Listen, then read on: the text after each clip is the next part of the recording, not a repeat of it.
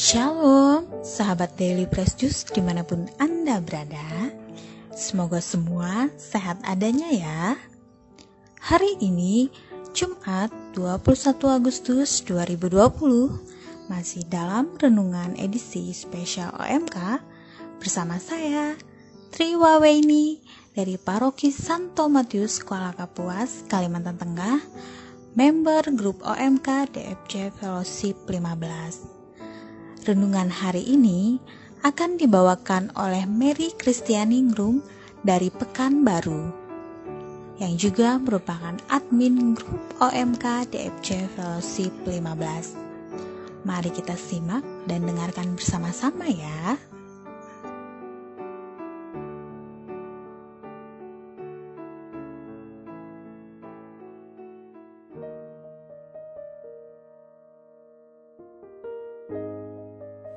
Selamat pagi Sobat Fresh Juice. Thanks God, it's Friday. Hari ini hari biasa pekan biasa ke-20 Jumat 21 Agustus 2020. Kita hendak mendengarkan dan merenungkan bacaan Injil dari Injil Matius bab 22 ayat 34 sampai 40. Inilah Injil Yesus Kristus menurut Matius. Ketika orang-orang Farisi mendengar bahwa Yesus telah membungkam orang-orang Saduki, berkumpullah mereka.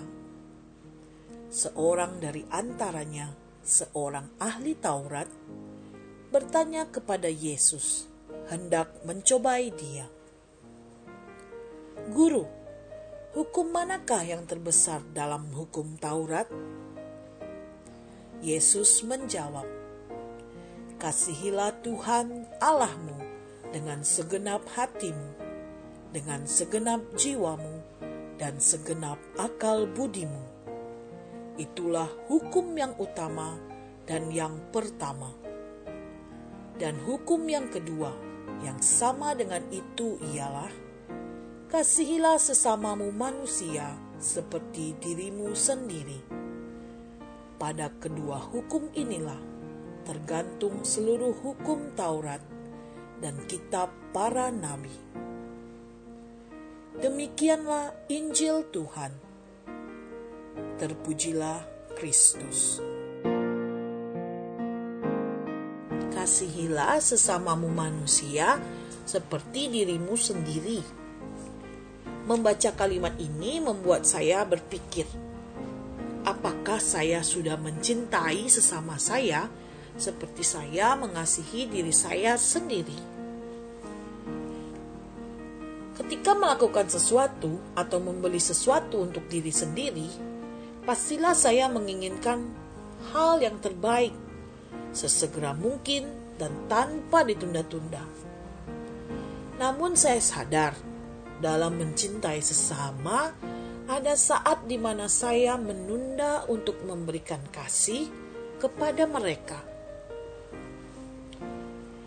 Jangan menunda menunjukkan kamu mencintai seseorang.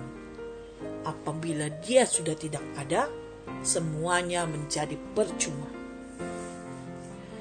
Kalimat yang sering saya dengarkan ini beberapa bulan lalu saya alami sendiri saat kakak mami saya meninggal 27 Mei yang lalu.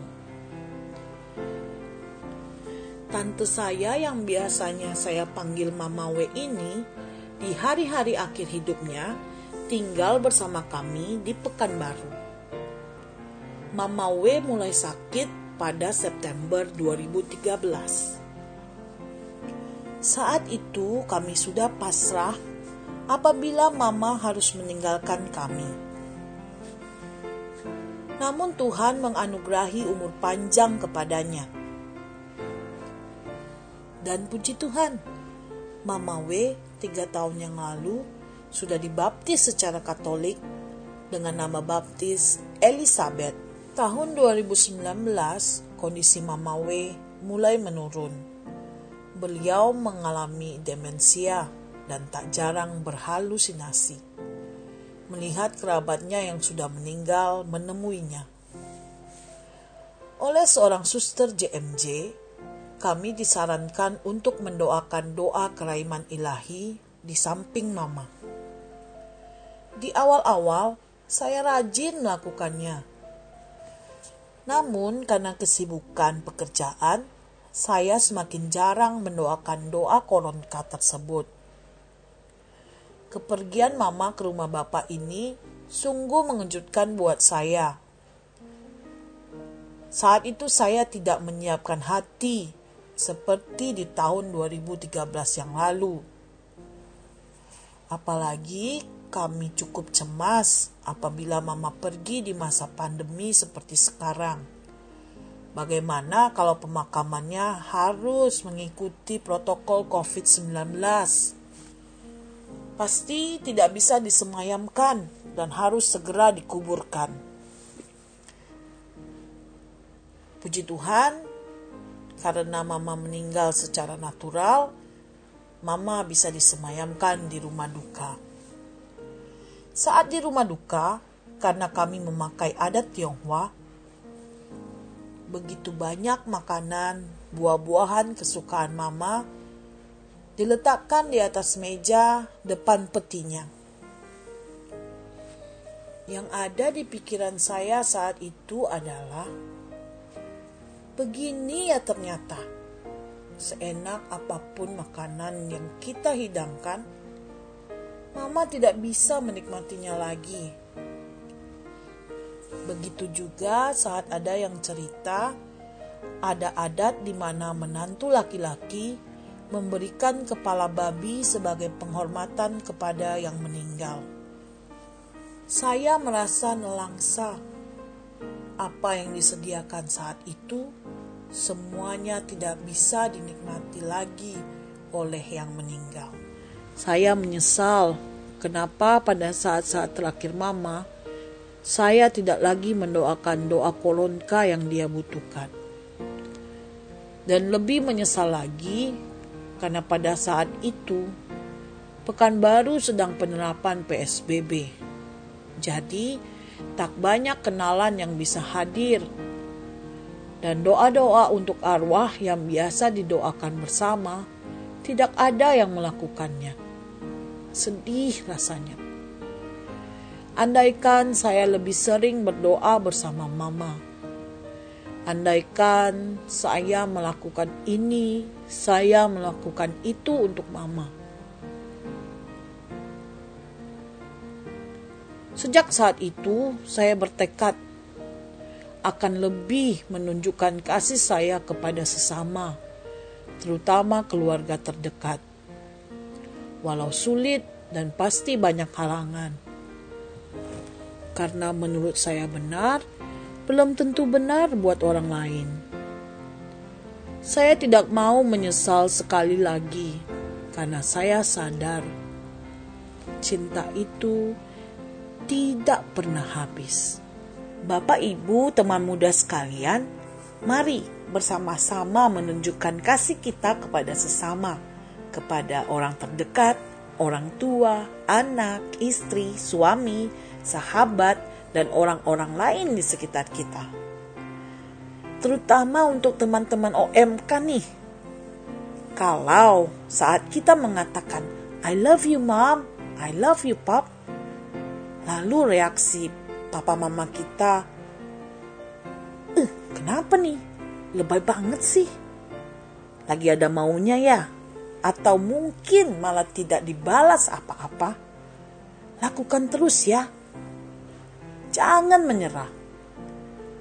Atau kalau sedang berusaha memperbaiki relasi dengan kakak atau adik dan itu sulit, berjuang terus. Jangan menyerah. It's okay. It's love. Walau sulit, cintai saja. It's okay. It's love.